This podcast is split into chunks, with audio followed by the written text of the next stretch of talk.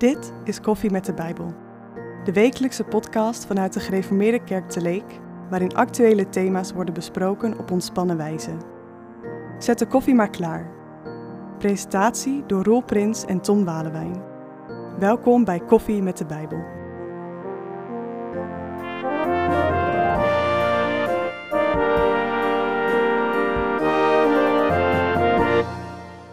Onze gast is John van Tilborg, directeur van Inlia. John, van harte welkom. Goedenavond. Um, fijn dat je hier bent. Je bent uh, de directeur van Inlia. Um, wat uh, denk ik voor de meeste mensen inmiddels wel wat zegt. Maar zou je eens kort kunnen uh, zeggen waar Inlia, wat, wat Inlia is, wat, wat jullie doen? Ja, wat is India? India is eigenlijk een netwerkorganisatie van kerken. India is tot stand gekomen doordat kerken in Europa uh, tegen het vraagstuk aanliepen: hoe verhoudt zich nou Romeinen 13 met Matthäus 25? Want aan de ene kant worden we opgeroepen om om te zien naar de minste. Ja, dat staat in Matthäus 25. Dat staat in Matthäus 25. En aan de andere kant staat in Romeinen 13 dat de overheid ja, het zwaard niet te vergeefs hanteert. Ja. He, dus, dus de overheid is wel het bevoegde gezag. Ja. Nou, soms werd je dan geconfronteerd in die periode, de kerken dan, ja. met uh, een situatie dat iemand bijvoorbeeld werd uitgeprocedeerd was Syrisch-orthodoxe christenen die naar Noordoost-Syrië moesten, waar dat eigenlijk hun leven ook een hel was. Ja. Nou, als kerken dan op dat moment naar eer en geweten echt oprecht menen van, maar dat gaat mis. Ja. Nou, wat doen ze dan? En die mensen die om hulp vragen, laten ze die dan staan, keren ze die dan terug toe, omdat de overheid die beslissing heeft genomen. Ja. Nou, uh, over die vraag hebben we ons dus Dus als, als ik goed begrijp, um, houdt India zich bezig... Um, um, zijn het eigenlijk kerken die hem daarmee begonnen zijn... die, die gewoon de schrijnende situaties in de vluchtelingenproblematiek uh, tegenkwamen. Ja, die kerken mensen tegen die terug moesten. En die kerken vroegen zich af, wat moeten we daarmee? Precies. En, en Zeer actueel. En die hebben daar heel intensief met elkaar over gesproken. En die kwamen tot de conclusie, moet beide doen. Ja, maar, maar heel even, want wanneer ja. is dit dan? Want het klinkt actueel zo van, 1988, nou, India bestaat sinds vorig jaar. 1988. Maar dus in 1988 was de situatie niet veel anders dan nu. Nee, die was Schrijnende gevallen. Ja, en als kerk zit je dan eigenlijk een beetje, wat moeten we hier nou Precies. En, en dat was het moment dat kerken zeiden van ja, wij, wij, wij moeten hier iets mee. En ja. toen kwam men tot de conclusie, ja, die overheid is het bevoegde gezag en dat aanvaarden wij en respecteren ja. we. Ja. He, maar binnen die democratische rechtsstaat ja. wordt ook gezegd, je hoeft het niet altijd met alles eens te zijn wat daar besloten wordt. Nee. Nee. En we hebben ook de opdracht, de bijbelse opdracht, om om te zien naar onze naasten die in nood zijn. Ja, en wat, was, er, was er op dat moment uh, nog niets wat door kerken gedaan werd? Of was er hier of daar wat uh, uh, lokale initiatieven? Het waren vooral lokale initiatieven of initiatieven vanuit lokale raden van kerken. Ja. En dat was ook de reden waarom op, op aangeven van allerlei kerken, ook, ook de Wereldraad van Kerken, dat ze zeiden, daar zou eens even een principiële discussie ja. over gevoerd moeten worden. Oh, ja. En die discussie is gevoerd in Groningen. Okay. In Groningen hebben ze bij elkaar gezeten en hebben ze... Wie is ze? De raden van kerken van Berlijn, van ja. Manchester, van Groningen, Genève, okay. Federatie van Protestantse Kerken in België, ja. de Federatie van Protestantse Kerken in Italië, die zaten we hier bij elkaar. Een brede club mensen. Ja. ja. Brede en, club kerken. Ja, brede club kerken, om, uh, om, theologen. Het was behoefte om, om, om meer samen te doen, maar ook vooral om de, om de discussie te voeren daarover. Over hoe je ook, omgaat met overheden die dan precies, in jouw ogen hoe, falen. Waar ga je als kerk staan? Ja. De, de ja. overheid, die respecteer je, die is bevoegd gezag. Aan de andere kant, je moet ja. omzien naar je naaste die in nood is. En hoe ga je dat vorm en inhoud geven? Nou, en daar hebben ze met elkaar gezegd van... hé, hey, wij gaan daar een dienstverleningsorganisatie voor oprichten... om ons daarin te ondersteunen. En dat werd Inlia. En wat doet Inlia dan precies? India is in eerste instantie naar doelstelling een ondersteuningsorganisatie voor kerken die zich bezighouden met het hele vreemdelingenbeleid, om ze daarin goed te adviseren ja. op allerlei fronten, beleidsmatig, juridisch enzovoort. En het tweede is om directe bijstand te verlenen aan vreemdelingen die in nood zijn. Okay. En dat uitgaande van de gedachte dat God de eenheid van mensen wil, dat als iemand in zijn of haar bestaan ernstig wordt bedreigd, dat je daar als kerk naartoe moet omzien en dat je dat in solidariteit met elkaar wil doen. Ja, okay. Dus sinds 1988 is Inlia daar al mee bezig. Ja, dat klopt. Ja. En jij bent ook al sinds die tijd directeur? Ik was eerst waarnemend voorzitter, want de beoogde voorzitter was professor Roldanus. Die was toen decaan van de Theologische Faculteit in Groningen. En die, ja, die redden het niet, want die moest nog een jaar decaan blijven, want ze konden geen goede opvolger vinden. En toen ben ik gevraagd om dat tijdelijk waar te nemen. Ja. En toen uh, heb ik dat tijdelijk waargenomen en daarna ben ik gevraagd om directeur te worden van de organisatie. En dacht ik van, nou, ik wil nog een jaar in Afrika reizen, maar dat doe ik dan binnenkort nog wel een keer. En ik ben eigenlijk nooit meer weggekomen. Nee, want, want, want jij bent dus al, eh, eigenlijk sinds mensenheugenis ben jij de directeur van India. En, en we zijn heel benieuwd wat je dan eigenlijk allemaal doet als directeur.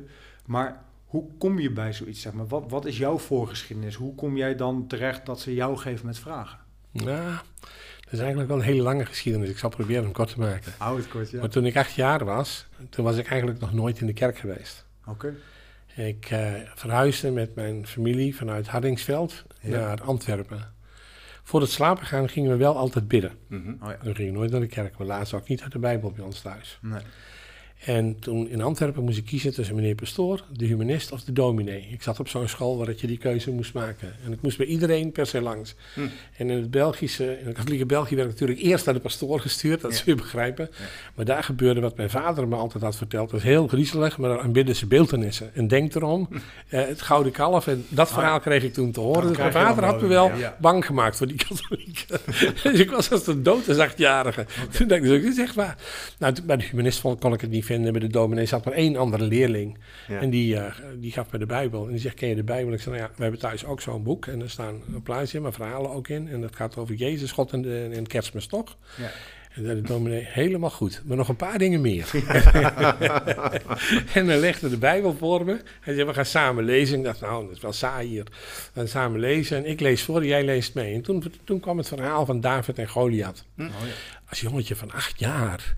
Je was gegrepen. Het was een hele slimme man, die dominee. Een hele fijne, prettige, liefdevolle en slimme man. Mhm. En ik ben met die dominee gebleven. Ik dacht, hier wil ik komen. Hier wil ik iedere week wel zitten. Mhm. En uiteindelijk, na een tijd, zei hij van, je moet eens naar de kerk komen. Maar ja, daar kwamen wij niet. Dus ja, ik ging ook niet naar de kerk. Maar ik vond die dominee van zo'n geweldige man... dat ik uiteindelijk heb besloten, ik ga er een keer naartoe. Dus op een zondagochtend stond ik met de deurklink in mijn handen. Ik had zweet in mijn handen staan. En het was niet een kerk in de zin van een kerkgebouw. Dat was zeg maar een soort souterrain, kerkzaal in zo'n groot patriciërshuis in het centrum van Antwerpen. Oh, ja.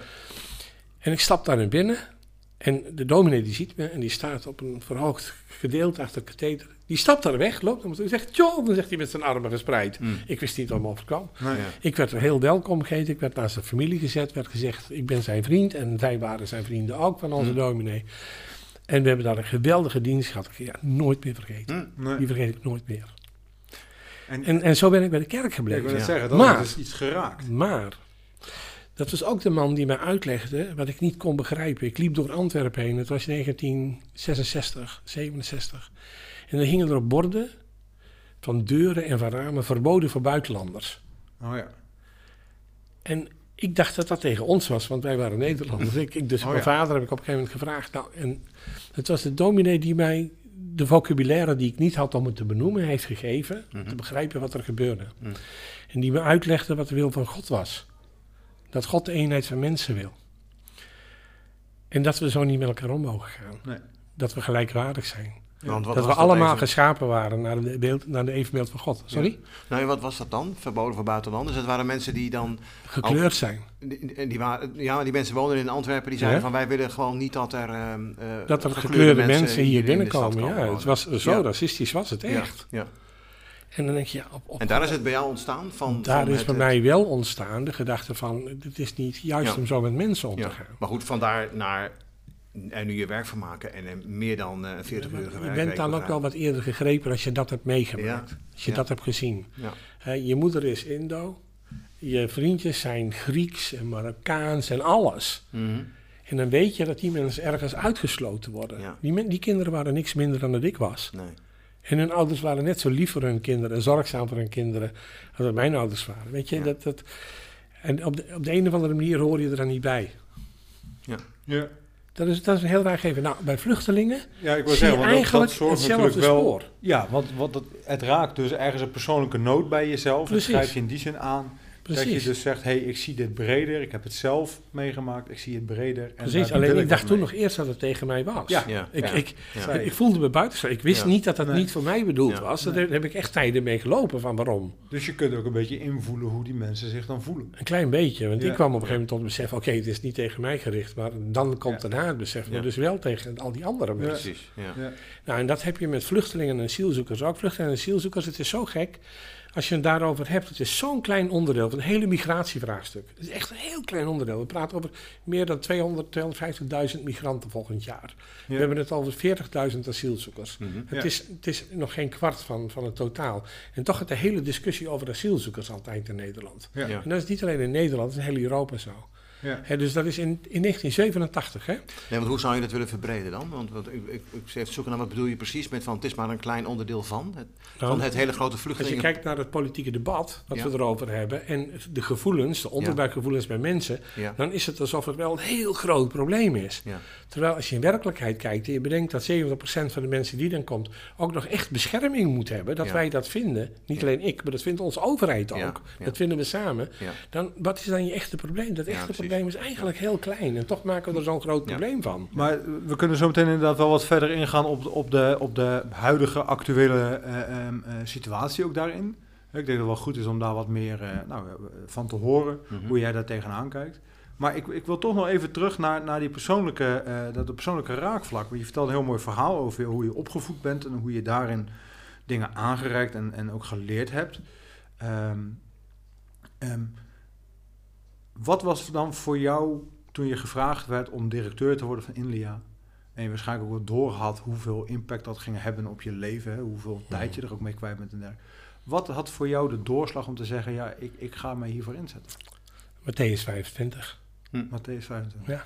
Dat is de tekst die jou daarin inspireert. Ja, absoluut. Dat is ook de Bijbeltekst die, uh, nou, die, die steeds terugkomt dus in je, in je, Altijd. In je leven. Ja. Ja. ja. Maar dat heb ik ook wel als ik soms heb ik wel eens moeite gehad met mensen. Ik dacht van, ik vind het zo vreselijk wat jij hebt gedaan. Ik heb echt moeite mee. Ik weet niet hoe dat ik met jou verder moet. En dan denk ik, maar daar waar dat in Matthäus 25 wordt gezegd van... je zat in een gevangenis, ik heb je bezocht. Zei Jezus niet, je zat er onschuldig. Nee. Jezus zegt, je moet de mens niet loslaten. Mhm. ja. En, en dus niet alleen voor vluchtelingen, maar in het, in het algeheel. Het gaat niet alleen over wat ze doen of gedaan hebben, maar het gaat eigenlijk om... het is gewoon een medemens. Precies. En dus het werken bij India is niet werk. Ik heb, toevallig heb ik het net met collega's over gehad. Het werken bij India is ook een missie. Ja. Dat, dat is niet werk. Maar is de, wat ik zelf zo mooi vind aan Matthäus 25 is dat het heel direct ook aan Jezus zelf wordt gelinkt. Hè? Jezus zegt als jij zijn woorden. voor de gevangenen zorgt, voor de zieken, voor de mensen die geen kleren hebben, dan doe je dat voor mij. Maar dat moet ook bij haast wel de drijfveer zijn, anders hou je dit nooit vol. Dat is het ook. Als je vanaf 1988 al met met vluchtelingen bezig bent en de schrijnende verhalen hoort en hoe ermee omgegaan wordt, dat kan toch ook alleen maar vol, dat kun je ook alleen maar volhouden als je ja, dat, direct daar Jezus ziet. Er is nog iets dat, wat, doet volhouden. Kijk, aan de ene kant is het de, de, de keuze die je voor Jezus hebt gemaakt en dat je zijn boodschap ehm, als leidend uh, wil volgen. Ja. En dat is deze boodschap ook, omdat ik ook denk dat die echt van betekenis is als je de eenheid van mensen wil. Ja. Um, het andere is ook dat wat ik zie, hè, hier zijn net allerlei mensen opgevangen. Hè. Kunnen jullie je voorstellen wat bemoedigend dat is om daarin de anderen te herkennen die eigenlijk vorm en inhoud geven aan die woorden van Jezus? Weet je, dat, dat sterkt ons ook heel sterk. Ja. Dat, dat, Dus je bent niet alleen bezig met, met wat niet lukt en hoe schrijnend het dan is, maar je bent ook juist heel erg bezig met, hé, hey, maar wat lukt er wel en wat kunnen we wel betekenen? Ja. Precies, tel die zegeningen, dat is makkelijk gezegd, maar je moet ze serieus nemen. Zeker, precies. Ehm, als je directeur zegt, zeg je vergaderen en koffie drinken. Dus hoe drink jij je koffie? Mijn koffie drink ik graag uh, sterk, met wat melk en een zoetje erin. Dus niet zo sterk? Uh, ja, wel. Ja, ik heb hem liever eerder op de espresso met een beetje melk dan op de gewone koffie met een beetje melk. Okay. Ja. Maar, maar het, klinkt als heel sterk en dan een beetje afzwakken. Nou, een beetje je maag sparen. Oké. Maar je is altijd geleerd, doe er wat melk in, dat spaart je maag. Oh ja, dat is heel verstandig. Mooi.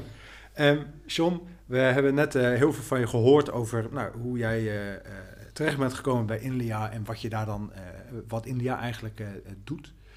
Um, een, een, deel van onze luisteraars zal het weten, maar een deel misschien ook niet. Hier in Leek, in ons kerkgebouw aan de Tolbertstraat, hebben wij begin september uh, 40 vluchtelingen opgevangen. Die vraag kwam bij Inlia vandaan. Ja. Heel concreet, wat kunnen jullie betekenen voor die grote groep vluchtelingen die bij Ter Apel voor de poort buiten moesten slapen? Ik denk dat iedereen de beelden wel heeft gezien, of je hebt het ieder ook kunnen zien, dat daar was toen een heel groot probleem.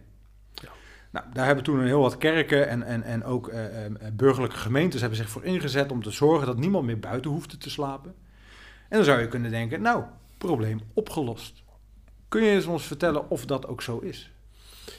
Ja, ik wil er één ding aan vooraf zeggen. Die, die 28 augustus, toen ik jullie 40 mensen opnamen, was dat ook de eerste dag dat er niemand meer voor de poorten van Ter Apel lag. Ja. Hm. 146 bedden in kerken waren opgedekt. En droegen er dus toe bij dat iedereen voor de poort weg was. Ik weet nog hoe dat ik daar voor werd gebeld door de burgemeester van Groningen, Koen Schuiling. Die namens, mede namens het ministerie belde en zei: John, we hebben jullie en jullie kerken nodig. Anders redden we het niet. En het was de verjaardag van mijn dochter, die werd 23 jaar. Hm. En ik had al gezegd, de burgemeester belt één momentje. We zitten aan tafel met allemaal familieleden en kennissen en vrienden. En we zouden gaan eten. En ik kom terug en ze ziet in mijn gezicht dat er iets aan de hand is. Want ja, ik wist ook, ik moet iets gaan doen. Ja. Waarop mijn dochter tegen mij zei, pap, het is ter Apel zeker. Ja. Ze zegt, ga je ze allemaal wegkrijgen? Ik zeg, we gaan het proberen. Ze zegt tegen me, ehm, doe je best. Het mooiste verjaardagscadeau wat ik zou kunnen krijgen. Ah, ja. mooi. Prachtig, hè? Ja, mooi. Dus het was één uur s'nachts en jullie hadden hier de bedden opgedekt. Ja. Die uit Breda kwamen. Ja. En de mensen kwamen hier binnen. En om één uur ben ik naar mijn dochter toe gegaan. Heb ik een kus gegeven. Heb ik gezegd, gefeliciteerd. Het is gelukt. Ja. Werkelijk. Ja. Dat mogen we niet vergeten. Nee. Dat mogen we niet vergeten. Nee. De kerken hebben het echt voor elkaar gekregen om dat te doen. Is het nu dan anders geworden? Nee, want we hebben gezien, dat hebben we bijna twee weken volgehouden. En toen lagen er weer mensen voor de poort. Ja. Ja. En toen hebben we weer overleg gevoerd met COA en het ministerie van... jongens, het kan toch niet waar zijn dat we met elkaar die poort leeg hebben... en dat, we, dat het gewoon weer voor, daarvoor volstroomt. Ja. Wat doen we met elkaar? Ja. Nou, die vraag stellen we elkaar nog steeds, iedere dag. En ik ben heel druk in overleg met, met het ministerie, COA, maar ook met andere partijen. Niet alleen nog maar met hun. Om te kijken hoe dat we kunnen voorkomen dat mensen buiten op straat slapen. Want dan zak je echt door de ondergrens van je humaniteit heen als samenleving. Ja. Um, kerk hebben er alles aan gedaan wat ze konden doen. Gisteren nacht lagen er nog 259 in kerken. En uh, dat aantal gaat toenemen. We hebben net het bericht. ja, dat aantal gaat het zou moeten afnemen natuurlijk. Ja, dat zou moeten afnemen. Maar kijk, we zouden de tiende vanuit de kerk iedereen weer terug laten vloeien naar het COA. Ja, ja 10 september. 10 september, want dan zou Zoutkamp overeind staan. Zoutkamp stond overeind en er stonden geen 500 bedden, maar, of 700 bedden, maar 500 bedden, waarvan 400 al vergeven waren. Oh ja. Dus uiteindelijk hebben wij 55 mensen van de bijna 300 laten terugvloeien op dat moment naar het COA. Ja. Nou, jullie hebben zelf ook wel eens gezien hoe, dat, wat, hoe de grote chaos was met het mensen weer opnieuw onderbrengen. Mm die chaos die is eventjes opgehouden en die is even gestabiliseerd. Nou, toen kwam er een boot hè, met duizend plaatsen. Maar niet iedereen mag op die boot, want die moeten eerst allemaal medisch gescreend zijn, want anders staan oh, ze het daar niet toe. Nou, dat hebben de kerken, die screening hebben de kerken niet gehad. Nee. Alles even wat te noemen. Ja. En er stonden op een gegeven moment duizend plaatsen tegenover 1500 terugstromers. Nou, dan heb je een negatief resultaat van 500. Waar ga je die weer laten? En dit is eigenlijk de beweging die doorlopend gaande is. Het is zo'n golvende beweging die maar door blijft gaan. Maar goed, ik kan me voorstellen dat veel luisteraars nu denken, maar waar, waar, komen die mensen dan allemaal vandaan? Ja, dat is natuurlijk de grote vraag. Want ik krijg ook de vraag, hoe komt het nou dat er in één keer zoveel meer asielzoekers zijn? Ja, dat is niet zo. Dat zegt het COA ook hoor, COA bevestigt het ook, dat is niet zo. Maar we hebben een situatie gehad, bijvoorbeeld 2015, toen waren er 60.000 asielzoekers. Ja. En dat was wel een piek. Syrië. Ja, en dat was wel een piek. Syrië en Eritrea, dat was echt wel een piek. Ja. Uh, nu, het eerste half jaar, waren er 20.000 binnengekomen. En toen, hadden we al, toen lagen we al voor de poort van Ter Apel. Dus hoe is dat dan mogelijk als we zoveel minder mensen binnenkrijgen? Nou, in de tussenliggende periode hebben we corona gehad. Ja. En in de coronatijd reisde er vrijwel niemand meer. Maar je kon geen grens, van, grens over. Niet met vliegtuig, niet met de boot. Er voert niks meer, er vloog niks meer. Dus alles was dicht. Auto's konden niet meer zomaar over de grens rijden. Dus men kon zich niet verplaatsen. Nee. Op het moment dat de corona reisstop was opgeheven, ging alle verplaatsingen weer gewoon door. Dus wat iedereen had kunnen weten, is dat die mensen weer gewoon gaan aankomen. Zoals we dat ieder jaar hebben en al decennia lang. Nou, wij hebben hier alles afgeschaald in Nederland aan personeelsbezetting. Uh, uh, met, met wij bedoel je COA en bedden. IND. Ja, ja, wij Nederland. Ja, wij Nederland, wij Nederland. Hebben dat allemaal afgeschaald naar een niveau van, van ja, wat we eigenlijk niet kennen zo laag. Okay. Dus dan komt er in één keer een normale partij mensen binnen, zullen we maar zeggen. Ja. En dan kunnen we het niet aan. En dan ligt alles op achterstand. Okay. En die achterstand krijgen ze niet weggewerkt. Nee. En dat gaat niet snel genoeg. Nou, we kregen tegelijkertijd andere problemen. Dan kun je zeggen stikstofprobleem, wat heeft dat ermee te maken? Alles. Maar er kon voor een deel niet meer gebouwd worden. Oh ja. Dus ook de sociale huisvesting kwam onvoldoende uit de grond gestampt. Ja. Dus met andere woorden, gemeenten hadden te weinig huizen. Ja. Hadden in de privatiseringsronde in de jaren daarvoor huizen moeten verkopen vanuit de, vanuit de sociale sector. Ja. Die zijn in de verkoop gezet. Dus eigenlijk heel weinig sociale huisvesting. Dus de gewone burgers die kunnen amper doorstromen. Er komen nu de asielzoekers bij, die veel te laag zijn ingeschat. En dus de gemeente zit er met een probleem. Kowak heeft zijn AZC's vol. En aan het begin van het verhaal heb je de flessenhals van Ter Apel. Ja. ja. Ja, ja en, en, en dan daarbij natuurlijk, wat ik ook wel begrepen heb, is dan gaat in Ter Apel, waar alles uh, vol loopt, uh, ontstaan dan problemen. Er vinden wel eens wat vechtpartijen plaats. Of, en daar is, de media staat vervolgens weer, uh, zit daar weer bovenop van kijk eens wat er allemaal gebeurt. Uh, waardoor dan in gemeenten die beeld ontstaat bij, bij mensen van ja, maar die mensen willen wij hier niet hebben, nee. enzovoort, enzovoort. Dus het is ook vaak een vicieuze cirkel. Hè? Ja, ja. Dat is ook al maar, even voor de duidelijkheid, je moet even bedenken dat zo ongeveer 60 gemeenten van de 340 gemeenten nu echt opvang bieden aan asielzoekers. Hè? Ja. Dus 60 is van de 340. Dat is niet zoveel. Nee, nee, dus, dus even voor de duidelijkheid. Mm. Er zijn maar een klein groepje ja. gemeenten die nu in feite alle lasten dragen. Ja. Ja. En een grote groep gemeenten kijkt gewoon toe. Ja, maar de bereidheid is dus, uh, is dus heel, heel gering. En is dat anders dan, dan, uh, dan 20, 30 jaar geleden? Uh, nou, kijk, heel, 30 jaar geleden hadden we de ROA-regeling. Toen hadden alle gemeenten verspreid een eigen deel. Okay. En dat werkte veel beter. En al, al, in alle eerlijkheid, daar willen we graag terug naartoe. Wij komen binnenkort ook met een plan. Mm -hmm. Niet alleen van ons, maar ook van andere partijen. Met een heleboel andere partijen samen. Waarin we zullen pleiten voor een herstructurering van de hele opvang. Okay. Dat kan namelijk anders. Dat gaat beter werken. Mhm. Mm -hmm. Maar ik kan dat plan nog niet hier, hier op tafel leggen. Want nee, we zijn druk maar, politiek bezig. Maar, maar misschien kun je iets over vertellen in de zin van... Uh, hoe is het dan nu geregeld? Nu is het gewoon een gemeente geeft aan of die wil opvangen of niet. Ja, en dan, dan gaan, gaan, ga je bedelend overal langs. En dan ja. zegt de gemeente, je mag hier een AZC zetten of niet. Ja.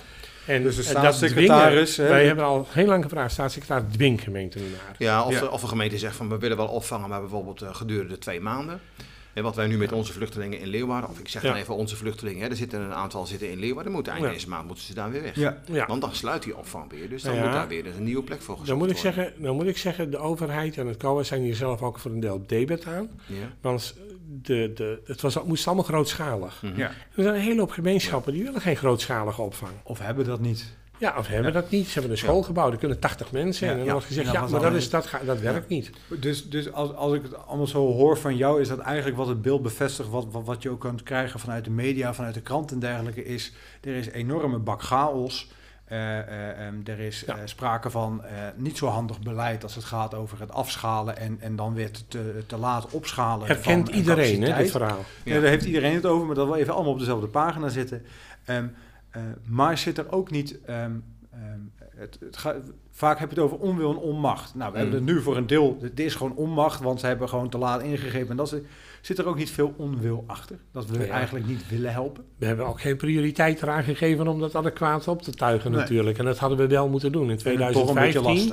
Na 2015 zeiden we allemaal: dit gaan we niet nog een keer laten gebeuren. Nee. Dat heeft de politiek echt laten liggen. Dus dat vind ja. ik ook. Dat ja. is een verwijtbaarheid. En dat is niet wat, iets wat, wat ik alleen zeg. Ook de adviesorganen van de overheid, de ACVZ, hè, dus, dus de, de, de adviesorgaan op asielbeleid, de, de Raad voor Overheid en, en Bestuur. Die hebben allemaal gezegd: het is een gecreëerd probleem. Dat zeg Oh ik niet. Dat zeggen de adviesorganen van de regering. Maar hoe creëren we dat? Dus vanuit een bepaalde nou ja, onwil om, om adequaat die mensen te helpen. Nou ja, dat is natuurlijk wel de suggestie die erachter zit. Dat we, dat we onwillig zijn geweest om het probleem aan te pakken. Maar dat we wel toen hebben gezegd, we gaan het doen en we hebben het niet gedaan. Dus de moedwilligheid is de andere vraag. Ja. Maar dat het een, een, een keuze is geweest waarbij men verantwoordelijkheden echt bewust heeft laten liggen, is absoluut een gegeven. Ja. Ik ben wel benieuwd, hoe ga je daar zelf dan mee om? Want uh, je maakt dus die verhalen mee van, van die vluchtelingen, uh, schrijnende verhalen. Uh, je maakt ook mee de, de, de onmacht en ook dus een stuk onwil van de kant van, van, de, van de overheid. Hoe hou je dat vol? Je wordt toch helemaal razend van als je dat... Ja, en soms word je boos van, maar je wordt er ook verdrietig van. Ja. Ik, ik, ik, word er zelf eerder verdrietig van, omdat ik denk van, we weten allemaal beter waarom doen we dit eigenlijk. En we weten dat het probleem helemaal niet zo groot is, maar we maken er altijd weer zo'n heel groot probleem van. Um, weet je, hoeveel problemen hebben jullie in de omgeving gehad van het feit dat hier 40 mensen verbleven? Ja, daar kun je problemen van hebben gehad. Ja, op heel veel plekken, op heel veel plekken hebben ze er weinig, weinig tot geen problemen nee, van. Precies, bij ook en uh, ik heb het zelf ook een keer mogen onderzoeken en ik kan je vertellen, uh, mijn conclusie was, hoe kleiner de schaal is van opvang, hoe beter het land in de samenleving. Er is veel meer ja. draagvlak voor, samenleving doet zelf mee. We hebben de samenleving er niet meer bij betrokken, die hebben eruit gehaald. We hebben gezegd, we gaan er een centrum neerzetten en dan gaan we kijken van wie mag welke activiteit er binnen verrichten. Ik heb het meegemaakt, dat was jaren geleden in Hilversum, mochten de kerken met oud en nieuw geen oliebollen brengen, want dat was een religieuze activiteit. Ja, als je zo je omgeving uitsluit van in je draagvlak wegvaagt, dan, dan zorg je er ook voor dus dat er geen draagvlak in de samenleving dus eigenlijk geef je dus aan, uh, dit is niet een politiek probleem. Dit is iets wat ook eigenlijk, eigenlijk gewoon de hele samenleving aangaat. Want juist op het moment als je daar dus verbinding in krijgt, inclusiviteit, zo'n mooi woord van deze tijd. Um, maar als je, dan, dan zorgt het ook voor um, dat het niet meer zo onbekend is. Precies, en, je weerstand dat het dichter bij mensen komt en dat weerstanden afnemen en dergelijke. en dat is ook wel een effect wat wij natuurlijk in onze gemeente hier ook zagen. Er waren mensen die in eerste instantie zoiets hadden van wat gaan we nou doen? En, en helemaal begrijpelijk. Maar dat, dat er gedurende de weken wel een onderzwaai kwam. Omdat mensen ineens door hadden, hey, wacht, dit zijn ook gewoon mensen die, die zitten in een hele moeilijke situatie. En daar kun je van alles van vinden. Maar in ieder geval vinden we dat ze goed moeten worden geholpen. En dat is waar jullie Precies. als Inlia dat, is wat we proberen te doen. We hebben dat ook gedaan met mensen in, in Eelde, hè, in, een, in een pilotproject wat dat we hadden in Eelde. En uh, toen dat de eerste mensen binnenkwamen, hebben we, en dat was dus met statushouders, hè, mensen die net, uh, net oh, gearriveerd waren, hebben we laten meewerken met bijvoorbeeld de bloemencorso. Oh ja. uh, werkervaringsplekken opdoen bij, bij de, de, de, de bloemenveiling. Om zo uh, dichtbij te om brengen. mensen bij elkaar te brengen. Wat gebeurde er? Dit jaar was er bloemencorso. Ja. Alle vluchtelingen van toen en van nu werden gevraagd, doe mee. Oh ja. Er stonden 300 vluchtelingen bij de bloemencorso. Ze hadden een eigen praalwagen. Oh, zo doe je mee. Maar dat is dus gewoon de integratie eigenlijk waar je het direct over Ja. Ja. En dat is ook wel heel erg mooi om aan te werken die verbinding stimuleren en, en mensen en, eigenlijk en een beetje de wereld van mensen ook uiteindelijk uh, uh, groter maken. Hè? En, en, want dat is wat ik ook merk, uh, van het verrijkt uiteindelijk ook je leven. Als je gewoon eens even wat verder kijkt dan je eigen neus lang is. Hè? Het is dus ook niet de vraag van wil je ze. Nee, want de mensen die een status krijgen, die krijg je. Die, die komen gewoon ook in jouw gemeente. De vraag is, hoe wil je ze? En als wij dat met respect ontvangen en met ondersteuning, dan zul je zien dat mensen dat waarderen en dat meenemen in hoe dat zij in de samenleving staan. Ja. John, wat heb je eigenlijk een mooie baan. Daar is heel veel succes en zegen ook bij. Dat je het nog uh, maar lang mag volhouden, ook maar met je hele organisatie en iedereen die daarin werkzaam is. Bedankt voor je komst. Graag gedaan. Dankjewel. Ja. ja. En uw luisteraar ook uh, hartelijk bedankt voor het luisteren en graag tot een volgende keer.